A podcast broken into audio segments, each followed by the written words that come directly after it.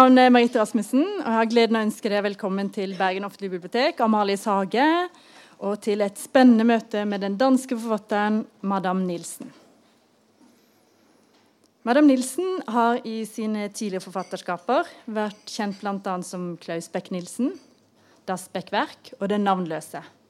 Og også i disse forfatterskapene vært drevet av som hun skriver, å gripe vår tid som fortelling. Det gjør hun i, sin, i høyeste grad i sin nyeste roman 'Invasjonen en fremmed i flyktningestrømmen'. Her tar Madam Nilsen oss med på en reise gjennom Europa. En dannelsesreise i fotsporene til flyktningene. Gjennom Europa, fra det gamle Hellas til Danmark, eller som hun skriver 'To the land of decay'. Etter foredraget vil det bli mulighet for spørsmål. Og forlaget er også til stede, så det er mulig å få signert bok. Nå ønsker vi Madam Nielsen hjertelig velkommen.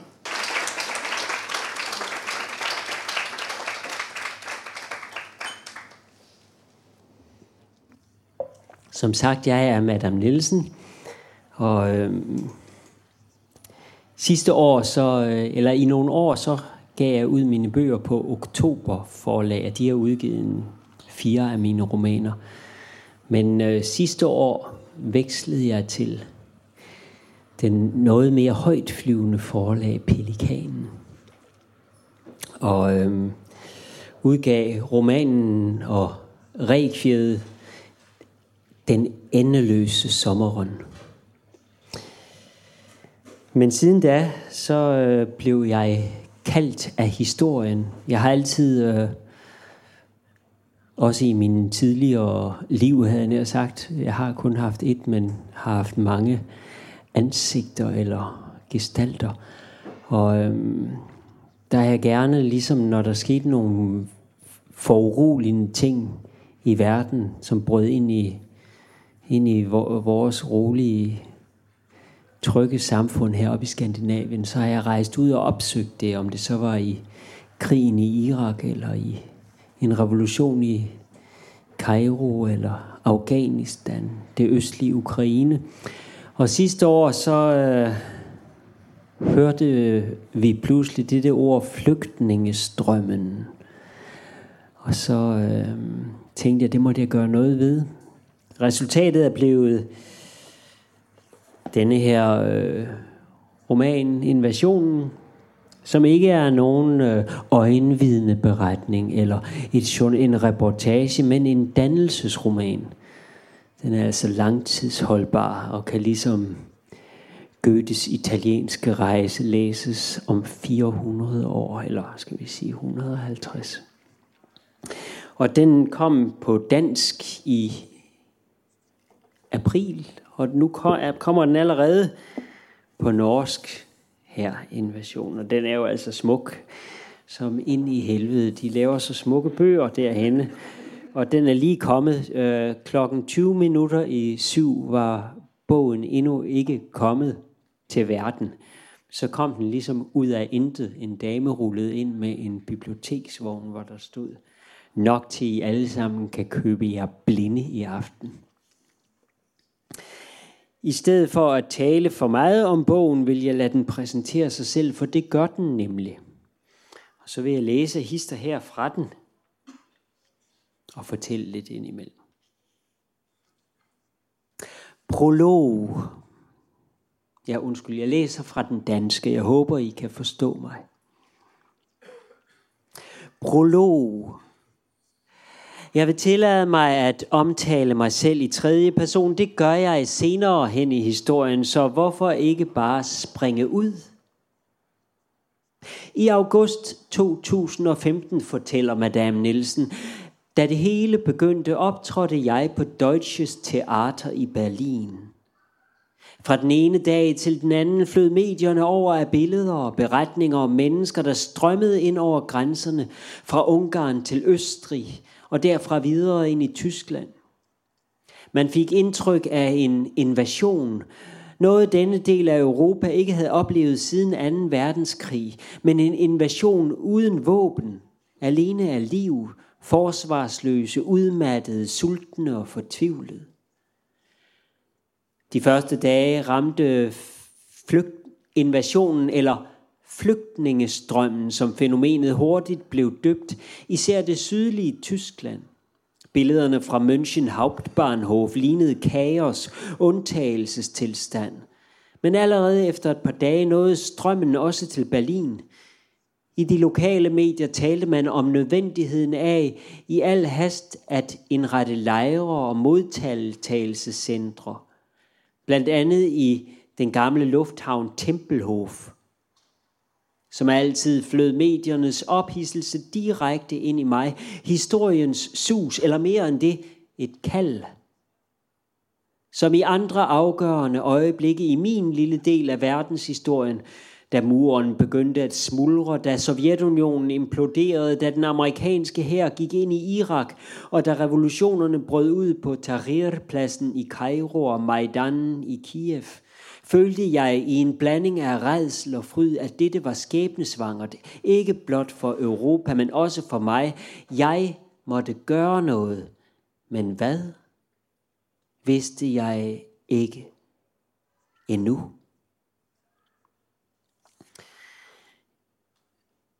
Og i de næste dage, så forsøger Madame Nielsen at finde, som jo altså er mig, at finde, hvad hedder det, øh, de her, den her flygtningestrøm, som skulle være kommet til Berlin.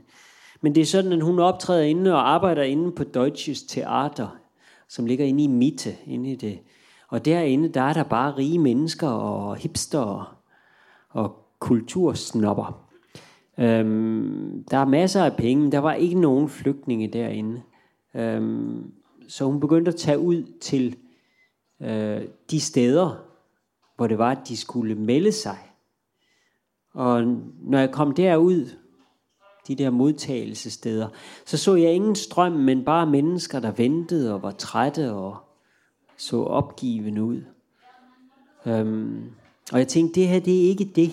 Det er ikke begivenheden. Det, er ikke, det sker ikke rigtigt her. Og så i begyndelsen af september skulle jeg rejse videre tilbage til Danmark. Og der var det sådan, at jeg var med det første tog som, øhm, som blev stanset, da det kom over færgen, med færgen ned fra Tyskland. Og øhm, alle blev beordret ud af toget, og hvad hedder det, øh, alle dem, der ikke var, havde europæisk pas. Øhm, og jeg steg så ud i solidaritet, og stod derude i fem timer, og efter fem, hvor der ingenting skete, og ingen vidste, hvad der rigtig skulle gøres, der stod en hel masse af flygtninge derude. Øhm, og, og politiet havde ikke været forberedt på det her. Ingen vidste, hvad de skulle gøre. Og jeg springer ind i romanen igen på det tidspunkt. På Rødby Færgehavn station i Danmark. Pludselig sker der noget lidt længere henne af perronen. En uro i mængden. Nogen råber. Og med lidt et har en lille flok allerede revet sig løs som et, u- som et uforudset udbrud i Tour de Europa. De går bare, allerede begejstrede, de forreste småløbende i let snublen med alle deres poser og tasker, hen ad perronen, springer ned på sporet, tumler hen over det og er allerede på, ude på vejen og begynder at vandre nordpå, op gennem Danmark. Betjentene i mængden omkring hende står bare og glaner – dette havde ingen forberedt dem på eller advaret imod, heller ikke de flygtende, som ikke længere er flygtninge, men udbrydere, en historiens avantgarde, der heller ikke selv anede, at det ville ske. Det er en veritabel begivenhed. Det ingen har planlagt, forudset eller så meget som drømt om. Det sker bare spontant i en kollektiv bevægelse, ikke af borgere, tværtimod. En bevægelse af alle dem, der ikke er en del af regnskabet. Dem staten og unionen værer sig mod at tælle med. Og madame? 1859. Ja, det er en tidsangivelse. Dem er der hele tiden undervejs i bogen.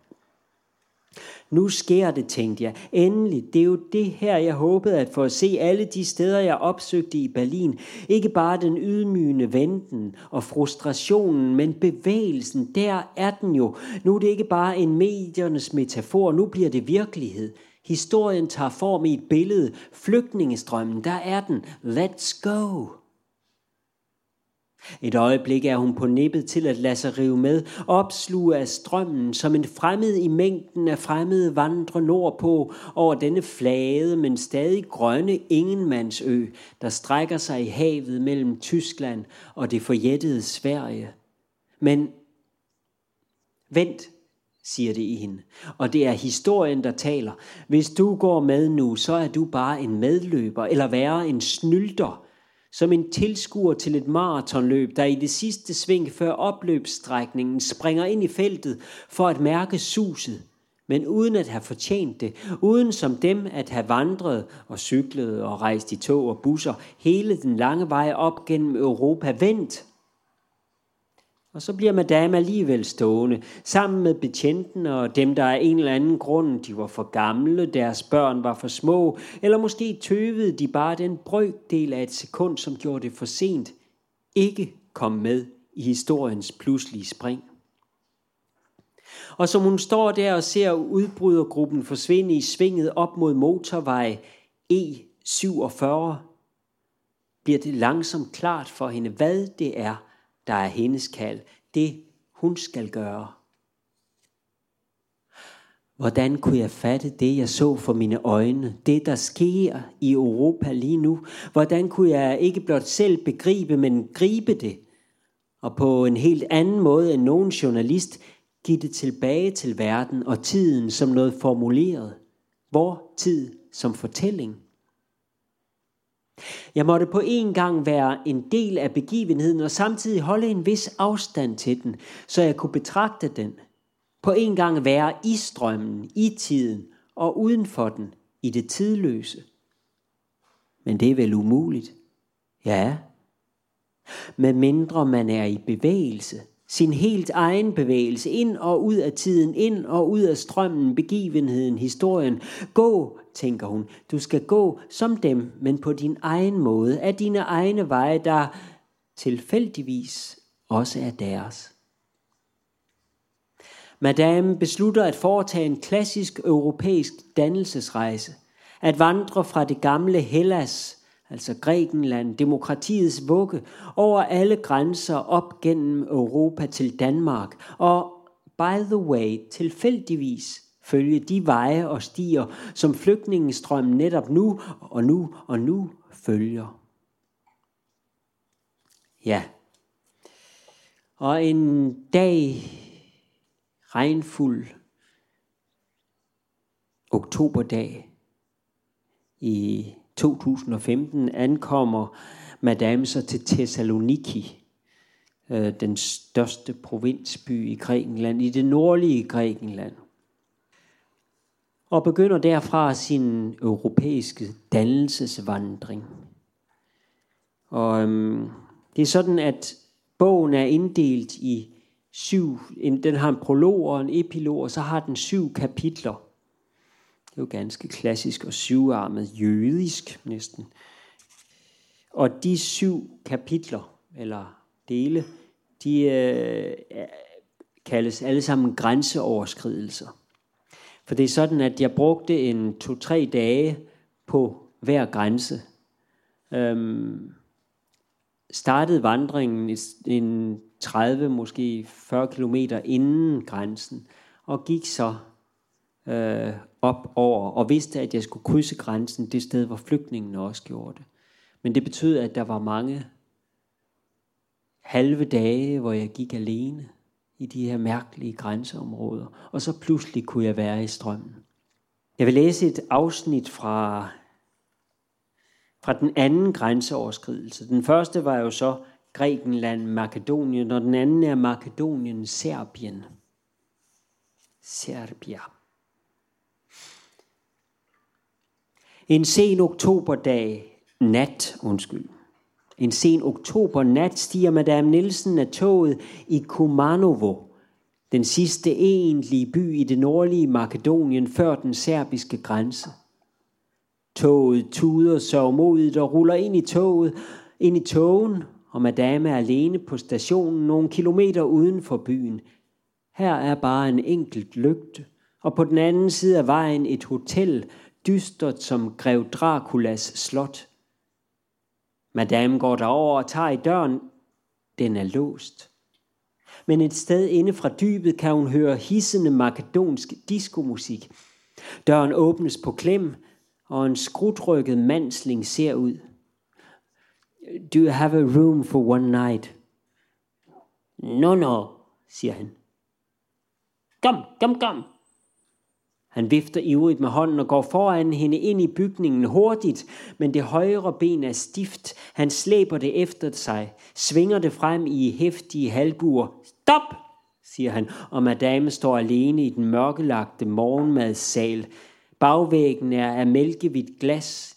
Hun kan se skyggerne af festen på den anden side feje som flammer over fladen. Mandslingen kommer tilbage med chefen i hvid skjorte og broderet makedonsk vest. Sorry, siger han. Uh, we have wedding, no room. Oh, siger madame, but it's night and so cold. Han ser på hende, og frem bag hans ryg titter mandslingen, slesk med plierne øjne, som Gollum, tænker madame og gyser. Maybe, siger manden i vesten. I have one big room in the cellar. In the cellar? siger madame, but is there a bed? Yes, siger han. Only 20 euro. Well, siger madame. Chefen siger noget til mandslingen og går tilbage til sin fest. Mandslingen ser sulten på madame. Kom, kom, kom, kom, siger han og griber en lommelygte og slæber sig foran hende svingende lyskejlen ned ad en smal trappe gennem lagerrum, korridorer og ind i et stort, ligesom grænseløst mørke, iskoldt, men indelukket. Lugten, hun genkender den, denne tunge, fedtede lugt. Mandslingen lyser på en væg med gammeldags afbrydere, trækker i et håndtag, og alt bliver lys. De er i et kælderrum, bart og stort som en gymnastiksal, betongulv og langs væggene 40, 40, måske 50 madrasser, hver med en snavset pude og et sammenfoldet tæppe. Han ser forventningsfuldt på hende. You like? Med et forstår madame, hvor hun er. Hun har læst om dette sted. I sommer, da flygtningene stadig måtte vandre eller cykle hele vejen op gennem Makedonien, der var Kumanovo deres sidste hvilested før grænsen. Her lejede en hotelvært dem senge til overpris og serverede papbakker med en klat ris og bønder direkte fra dåsen for 10 euro. Nu går strømmen for hurtigt. Ingen gør længere holdt her. Kun hun den sidste forvildede turisten efter lukketid i denne underjordiske lejr, alene med spøgelserne, lugten og himlers assistent. Øh, you like, siger han. Hvad skal hun svare? But how, how can I sleep in this light, siger hun og fortryder. Light, siger han begejstret og svinger sit døde ben efter sig hen til væggen med afbryder og trækker i en, og alt bliver sort. Han tænder lyskejlen og nærmer sig, lyser på madrassen og på madame. Please, siger hun, I have to sleep. Sleep, siger han slukøret og vender sig og svinger lyskejlen foran sig, benet efter sig ud af kælderen. Madame står lidt i mørket og lytter til den dumpe, dundrende diskomusik ovenfra. Så stiller hun rygsækken, tager støvlerne af og lægger sig på madrassen med alt tøjet på trækker tæppet op over næsen, og igen denne kraftige lugt af udmattelse, snavs, intens som et dyrs pels, lugten af angst, tænker hun, mennesker på flugt.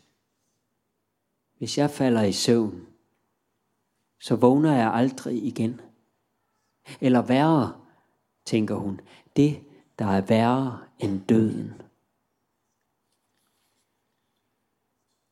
Ja. Som I kan høre, så er det ikke altid flygtningestrømmen, men netop sporene efter dem. Ligesom ekkoet. Det dystre ekko er noget, der er sket og pludselig er forbi.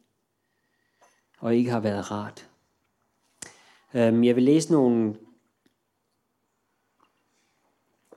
det er sådan, at jeg bare en lille fin notesbog, hvid notesbog med mig, Øhm, og i den, der øh, skrev jeg undervejs. Jeg forsøgte ligesom at, at finde en måde, en, en skrift, som var en vandrende skrift. En skriftvandring.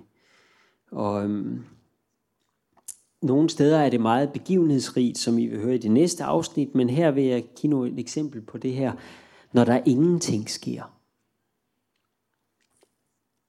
1157. Nu er vejen den øde, støvende landevej, hun havde drømt om. Forbi kirken med skinnende kubler, forladte huse med gabende, sodede krater. Også her var der krig for et øjeblik siden. Også herfra var mennesker på flugt. Ja, det er i Makedonien, altså det tidligere Jugoslavien. Nu er alt stille. Luften er kølig og klar. 1307. Musvågens svæv mod den blændblå himmel. 1348. I det fjerne mod vest de albanske bjerge. Østpå de blødere bakker mod Bulgarien. Midt på vejen en stor dreng og tre små. De spiller fodbold. Deres klare råber hver gang de sparker. Skyen af støv. 1406. Madame kan høre sine egne skridt over jorden. Lyden af en knaller, der nærmer sig op ad bakken. Den bruger en halv time på at overhale madame. En krumperet mand, der bliver ældre og ældre og ældre, før han endelig er forbi. Og pludselig så er hun i strømmen, og der sker voldsomme ting. Jeg springer til, springer til den femte grænseoverskridelse, som er fra grænsen fra Slovenien ind i Østrig. Det er sådan, at, øh, at ved hver af de her grænser, så på begge sider af dem, var noget, der viste sig som sådan et generelt mønster. Så var der en lejr. Og noget, der var fælles for alle lejrene, det var de her hvide telte, som kom fra øh, FN eller især Røde Kors. Øhm, og øhm, at der kunne også være telte fra øh, Médecins Sans Frontier. Øhm, læger uden grænser, læger uden grænser. Øhm, og så var der et, staten var altid øh, til stede på sådan en ambivalent forhold i, i grænsen, øh, i lejren øh, fra Idomeni før den, i Grækenland, før den makedonske grænse, der var staten kun repræsenteret af to øh, politibetjente, som stod i udkanten af lejren og bare kiggede efter. Altså, jeg ved ikke, hvad de gjorde ikke rigtig noget, men altså, det var ikke den græske stat, men det var lokale græ, græske borgere, som enten kom fra de omkringliggende landsbyer, men især også inde fra Thessaloniki, og bragte mad og tæpper og drikkevarer og organiserede alting derude. Stod derude hele natten og hele dagen og serverede, hvad de nu selv havde kogt i deres køkken. Øhm, og på, hvad hedder det, på den anden side af grænsen der, der var der for eksempel en lukket lejr. Altså det var, der var, det var det makedonske militær, der kørte den. Øhm, som var en helt andet øh, militariseret område. Øhm, og hvad hedder det her? I, øh, ja, og alle de her frivillige hjælpere, de var næsten alle sammen i sådan nogle, øh, ikke noget de havde aftalt, det var åbenbart bare et, et, en, en vare, som havde vist sig at være billig øh, på verdensmarkedet lige på det tidspunkt. De var alle sammen i sådan nogle enten gule eller lyse, øh, selvlysende grønne øh, plastikveste, som kunne lyse i natten og skille dem ud fra de andre. Øhm, i det nordlige Slovenien, der hedder, øh, hedder det, der hvor lejren var, det hedder Chantil. Det betyder, på fransk betyder det jo venlig. Og lige på den anden side af grænsen, øh, inde i Østrig, der var også en lejr, og den hed, hedder Spielfeld. Spielfeld, og det betyder jo legeplads eller boldbane. Kampplads. Fodboldskampsplads. Men så, så øh, infantilt og dejligt var det ikke. Øhm, så jeg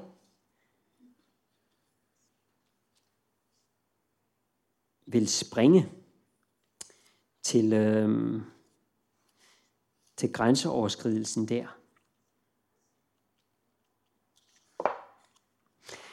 Det var sådan, at jeg ofte, når jeg kom til de her lejre, øh, så hvis, jeg, hvis det ikke var blevet alt for sent, så hjalp jeg nogle timer. Så sprang jeg over på, fra at gå i flygtningestrømmen, så stillede jeg mig ind hos borgerne og hjalp dem i nogle timer. Så fik jeg i, øh, i Slovenien, der fik jeg sådan en, øh, en, hvad, en, en, en vest på. Og imellem den slovenske, da, når, når, når de her flygtninge havde været i den slovenske lejr i Chantil og fået mad, og de havde været forbi boden, hvor de kunne tage gratis tøj, så blev de fuldt af soldaterne, slovenske soldater, øh, 300 meter ned til et ingenmandsland, som var indhegnet. De vidste ikke, hvor de kom hen. Men når de kom derind, så kunne de ikke komme ud igen. Og det var indhegnet med høje hegn med pigtråd. Øhm, og så, øh, hvad de ikke vidste, det var, at, at de kunne ikke gå direkte igennem og ud. Øh, de måtte vente til de østriske øh, militær var klar til at lukke dem ind, når, når der var plads i den østriske lejr. Og så kunne det godt ske, at de nogle gange måtte vente et døgn. Og så var det ikke sikkert, at de lige havde fået tisset af. Der var jo ikke noget toilet. Det var ikke sikkert, at de lige havde fået noget varmt tøj hen. Det var i, i november nu, der var frostvejr om natten. Øhm, og hvad hedder det? Det var ikke sikkert, at de havde fået noget øh, egentlig de troede måske bare, der var mad undervejs. Det var jo sådan, at der var mad mange steder undervejs, og de blev efterhånden, flygtningen blev også vant til, at der altid var mad, når man kom frem. Så de troede ikke, det var noget problem, men det var det altså her. Og øh, madame er altså først tidligere på dagen en tur derinde i det her område, som ligner Dantes helvede, fordi øh, flygtningene om nætterne, når det bliver koldt, og ikke har noget at varme sig ved, og ikke har fået nok tøj på, så brændte de øh, affald. Det vil sige også plastik. Det gav en forfærdelig lugt og gjorde, at det hele, at underlaget derinde bare var sådan en plastikaske og træaske. Og så fældede de, brækkede de grene af træerne, som var, det var sådan et naturområde, en lille, lille bitte dal, øh, hvor der så var en tusind mennesker inde ad gangen. Øhm, som de så også brændte af, så lavede de bål. Øhm, eller også brændte de en eller anden gammel sovepose, eller hvad der nu var. Og efter det besøg, så går de tilbage, madame og hendes ledsager. 1859. Tilbage i den slovenske Lower Camp rydder de madteltets langbord, forsølede plastiktallerkener, brødsmuler og affald, mens endnu en nyankommen menneskehed trænges utålmodigt råbende bag kæden af soldater i teltåbningen så aflægger madame sig den selvlysende vest, der har givet hende adgang til stedet, hvorfra ingen illegal, kan, le, le, illegal levende vender tilbage. De to kvinder omfavner hinanden som gamle venner eller to fremmede, der har oplevet noget frygteligt sammen, og madame vandrer alene i mørket af den afspærrede motorvej ned forbi ingenmandsburet. 1924, jeg ved ikke, hvad det hedder, 24.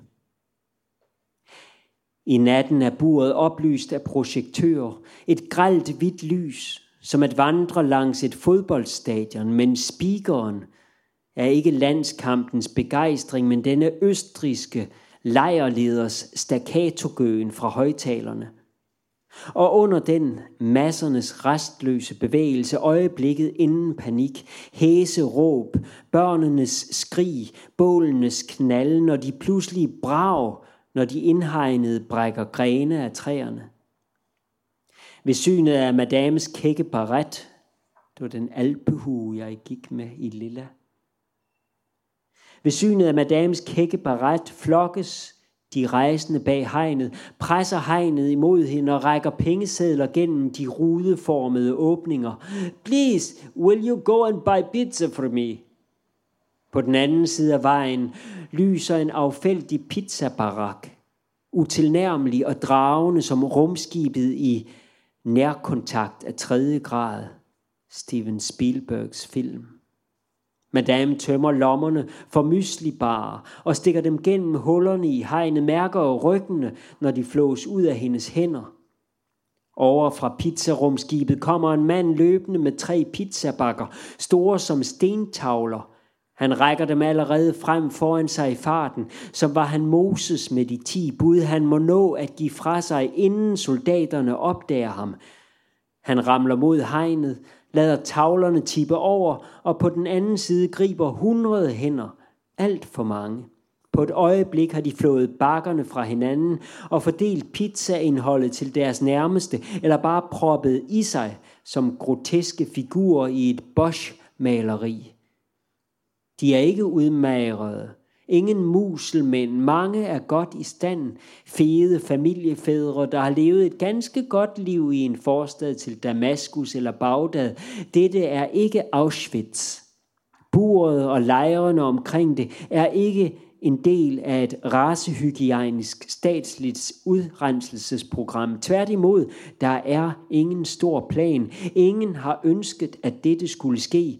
Projektørerne afslører bare den europæiske statsmagt som voldelig afmagt. En klodset koloss på grænsefødder. De internerede har kun været her siden i morges, eller i værste fald et døgn. De kommer levende herfra. Men det er ingen undskyldning for dette burs eksistens, tænker hun. Det er ydmygelsen, der tæller. At stå der fanget som rotter bag et hegn i den lov- og retsløse afgrund mellem to stater. Det hele har kun taget få sekunder. Hænderne vifter stadig deres eurosedler mod madame. Skal hun tage dem og løbe over og hente endnu tre pizzaer? Giver det mening? Tre pizzaer til et hav af munde? Et umuligt spørgsmål. Vi får aldrig svaret. Soldaten lægger sin hånd på hendes skulder og trækker hende væk fra hegnet, vender sig mod de indespærrede og råber, Get off the fence! 20. 29. Som et spøgelse går madame gennem den østriske paskontrol forbi en tv-vogn, hvor teknikere er ved at rulle et fedt kabel ud mod ingenmandsland – Dødeligt udmattet vakler hun hen mod den første og tilsyneladende eneste oplysende, oplyste bygning i Østrig. Det er bare en barak. Hun standser og ser op på gavlen. Og der står det, med en gang lysende, nu falmet rosa på dyb sort bund. Nightclub, The Hell en brandtrappe op til første salen. På repoet under en bar pære står to grotesk sminkede damer og en spinkel mand. Wir haben auch Zimmer, lover et skilt. Madame går ind i receptionen. Det er et tilrøget værtshus. Oppe bag baren står en sorthåret kvinde. Entschuldigung, siger madame, men kvinden ser forbi hende og kalder og en ældre, lidt korpulent, men samtidig frygtindgydende manden, der sidder ved bordet nærmest vinduet og drikker kaffe med en stamgæst, vender sig mod madame. Øh, har de et værelse, siger hun, bare for en nat?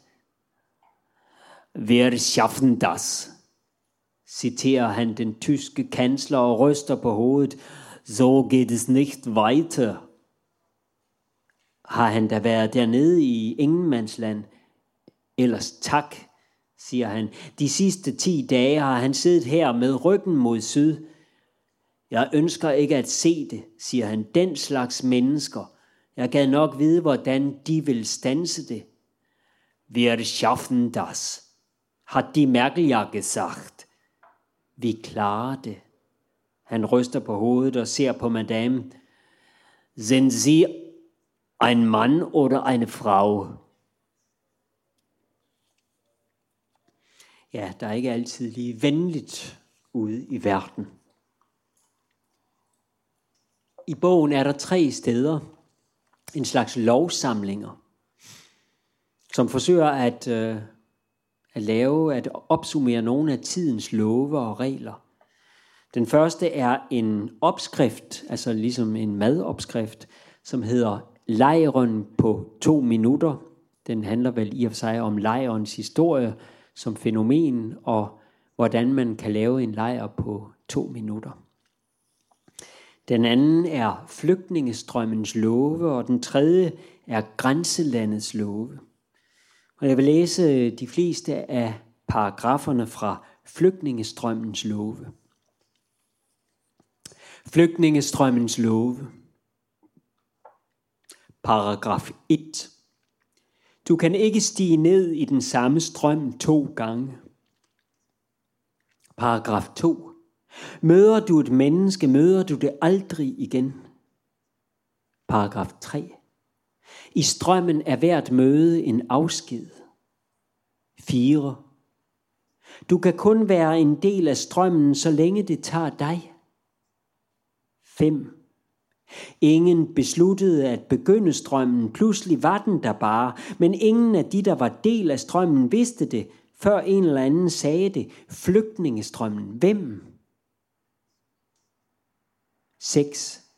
Ingen ved præcis, hvornår eller hvor strømmen begyndte. Ingen ved, hvornår eller hvor den vil ophøre. 7. Strømmen tilhører ingen. Den har ingen ro og hører ingen steder hjemme. Den findes alene i sin bevægelse. 8. Strømmen består af mennesker, men ingen af dem er den ansvarlige.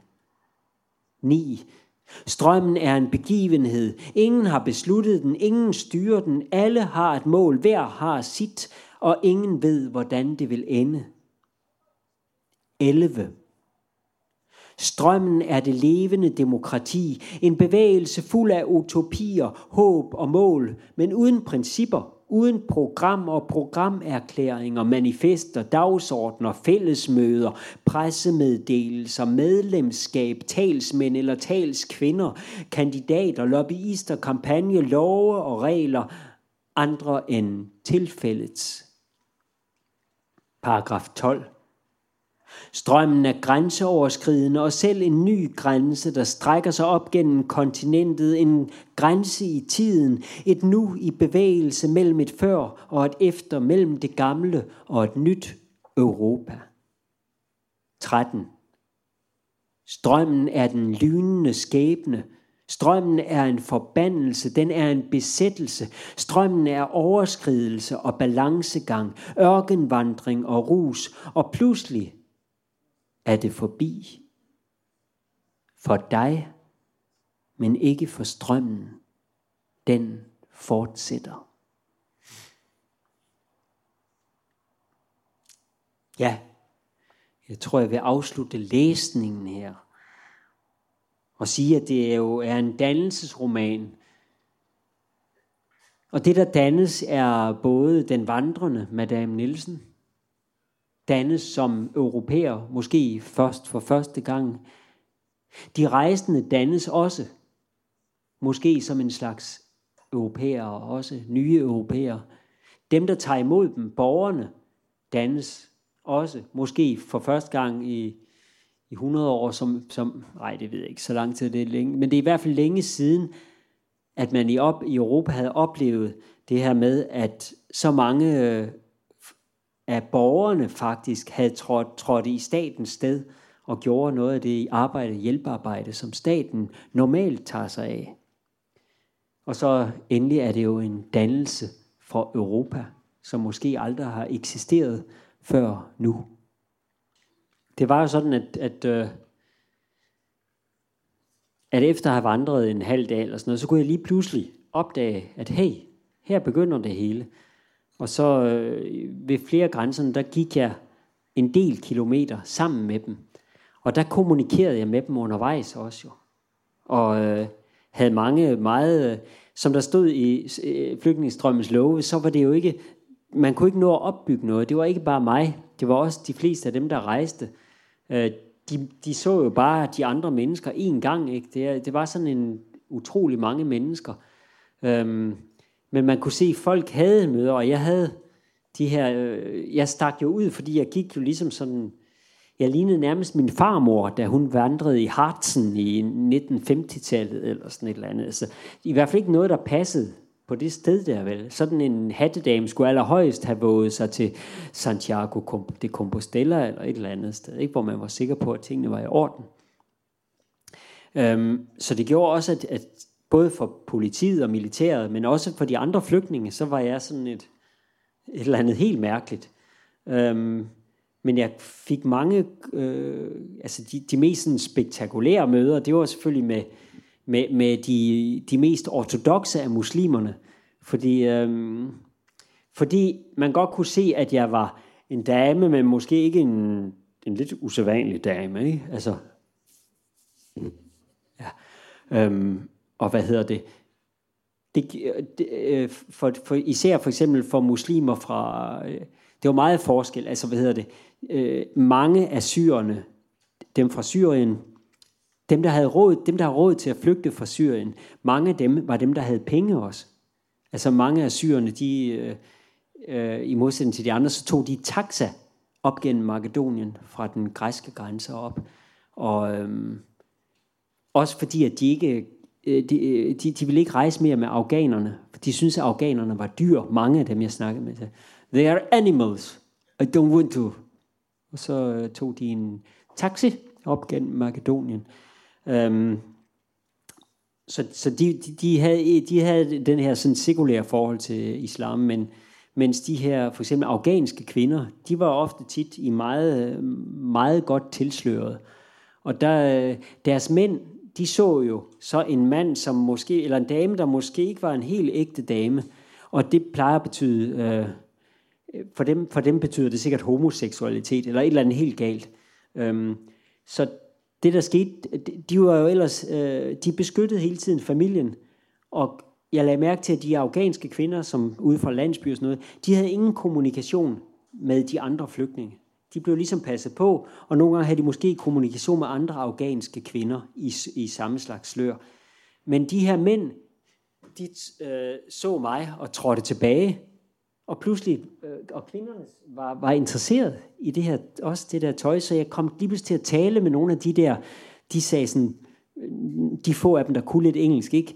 You man, woman, and I said, oh, oh. og, øhm, og så kunne man sige, de der mænd, som stod bagved, og ikke vidste, hvad de skulle gøre, fordi deres kvinder måtte ikke tale med mig. Vel? Altså, der skete sådan nogle... Øh, andre steder. Altså, men jeg forsøgte at tale med så mange af dem som muligt, men på den her, øh, på samme måde som dem. Jeg ville ikke regne rundt som en journalist. Jeg ville bare øh, drive med strømmen, selv være på vej, og så tilfældigvis snakke med dem, jeg snakkede med. Men der kom jo masser, for der var masser af steder, vi skulle vente i mange, mange timer.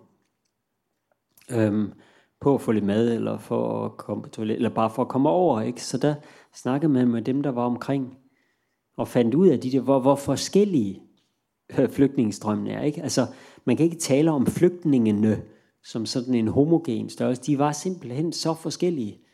Altså, drengene fra Afghanistan, som jo alle de her uledsagede børn, hvoraf de fleste var måske i starten af 20'erne i hvert fald. Ikke?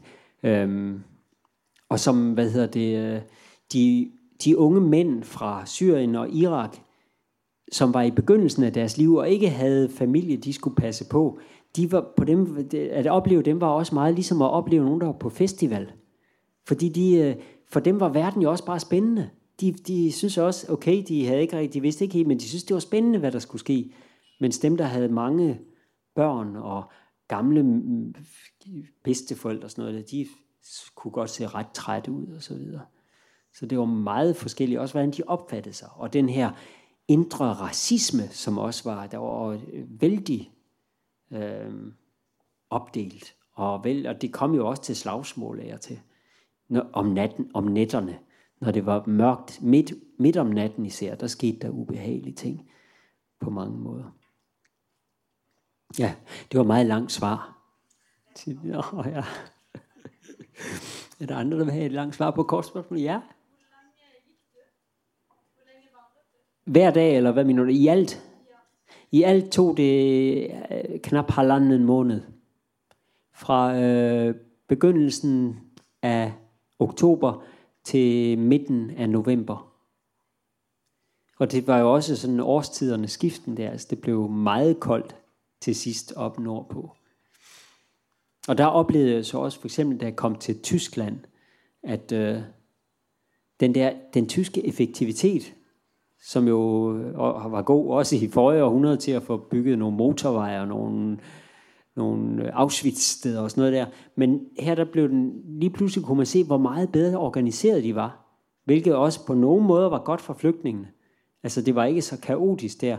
Men nogle gange så blev det også så godt, at øh, i en by som Passau, som, havde, hvor, som er en lille skøn provinsby, som i og så bare været sådan lidt turistmål og lidt gemt sted med 50-60.000 mennesker, ude midt imellem tre floder på en ø, halvø og så videre, smukke katedraler.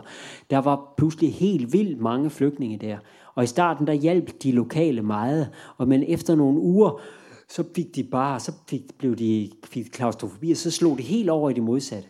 Så blev de lige pludselig, øh, øh, øh, kom det til konflikter og øh, havde og interne stridigheder i byen. Så den tyske stat tog hurtigt affære og fik let øh, togene med dem. De, de satte, de, de simpelthen aftalte med den østriske stat, at flygtningen skulle i særlige tog, særtog, som så blev kørt øh, kun til udkanten af Passau, og der blev de helst om aftenen eller tidligere om morgenen puttet ind i busser, og, øh, og hvad hedder det, øh, og så kørt ud til de steder i Tyskland, de skulle, eller til München. Og der er sådan hele det kapitel i øh, den 6. grænseoverskridelse, det er ligesom en spøgelseshistorie, for det er i den her by, hvor der foregår et eller andet, men man kan ikke se det, men det er lidt uhyggeligt. Der er hele tiden et eller andet, en bus i det over i et hjørne eller et eller andet, men med, med, med vinduer, hvor man kan se en masse mennesker inde bagved og sådan, ja. Altså, øhm, jeg var interesseret i det her, øhm, når der sker sådan nogle voldsomme ting i et samfund, så, øh, så er det både en katastrofe, men det er jo også en åbning mod en mulighed for, at man kan begynde at handle på en anden måde. Og øh, at være borger på en anden måde, for eksempel.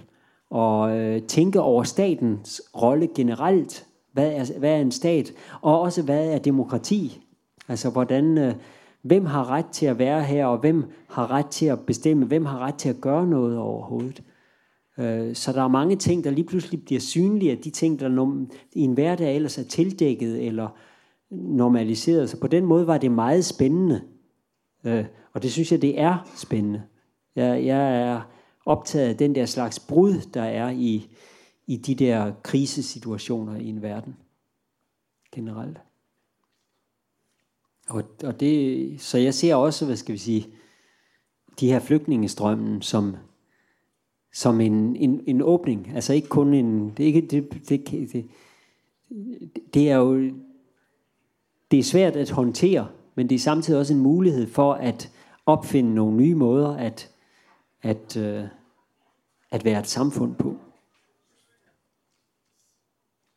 Det er klart, den, den, øh, når jeg gik derop, så hvad hedder der, der er jo alle de her sådan, øh, referencer også tilbage til Bosch og til, øh, Øhm, der er også øh, til, til den græske mytologi og så videre, øh, og til den her fornemmelse af, at andre har vandret før mig, Goethe havde vandret før mig, H.C. Andersen havde rejst op gennem Europa. Alle de der ting er med i, i bevidstheden, om også for at det ikke, det var ikke intention at lave en reportage, men noget, der ligesom fangede vores tid øhm, i et større perspektiv, og med en større historisk dybde også. Øhm, og den her væren, altså også muligheden for, at Europa ikke var et eller andet øh, defineret, men at netop igen med det her brud, muligheden for at se, hey, nu sker Europa. Og jeg dannede jo også på den måde, det der med rent korporligt, at vandre op gennem Europa, det gør, at, at man erfarer korporligt og med sit eget liv, hvad er forskellene på, på Grækenland og Makedonien, Makedonien, Serbien? Hvornår begynder EU? Hvad sker der, når EU begynder? Hvordan er den forskel? Øh, øh, hvordan er forskellen fra de gamle EU-lande og de nye?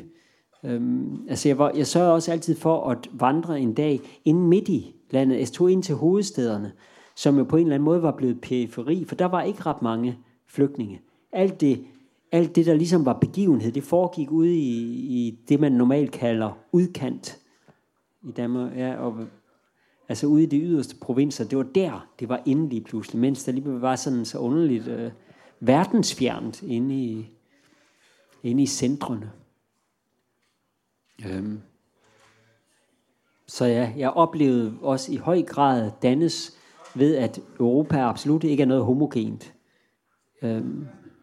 Hvilket ikke nødvendigvis betyder, at, at, at, øh, at det eneste rigtige dermed er at lukke det europæiske projekt at, at lave gode grænser og god nationalisme.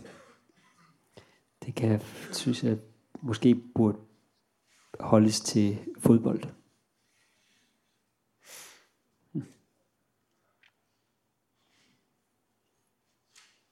Ja, hvis der ikke er flere, der vil spørge noget, så øh, vil jeg takke, fordi I er kommet så mange, selvom det jo er vældig pænt vejr derude her i aften.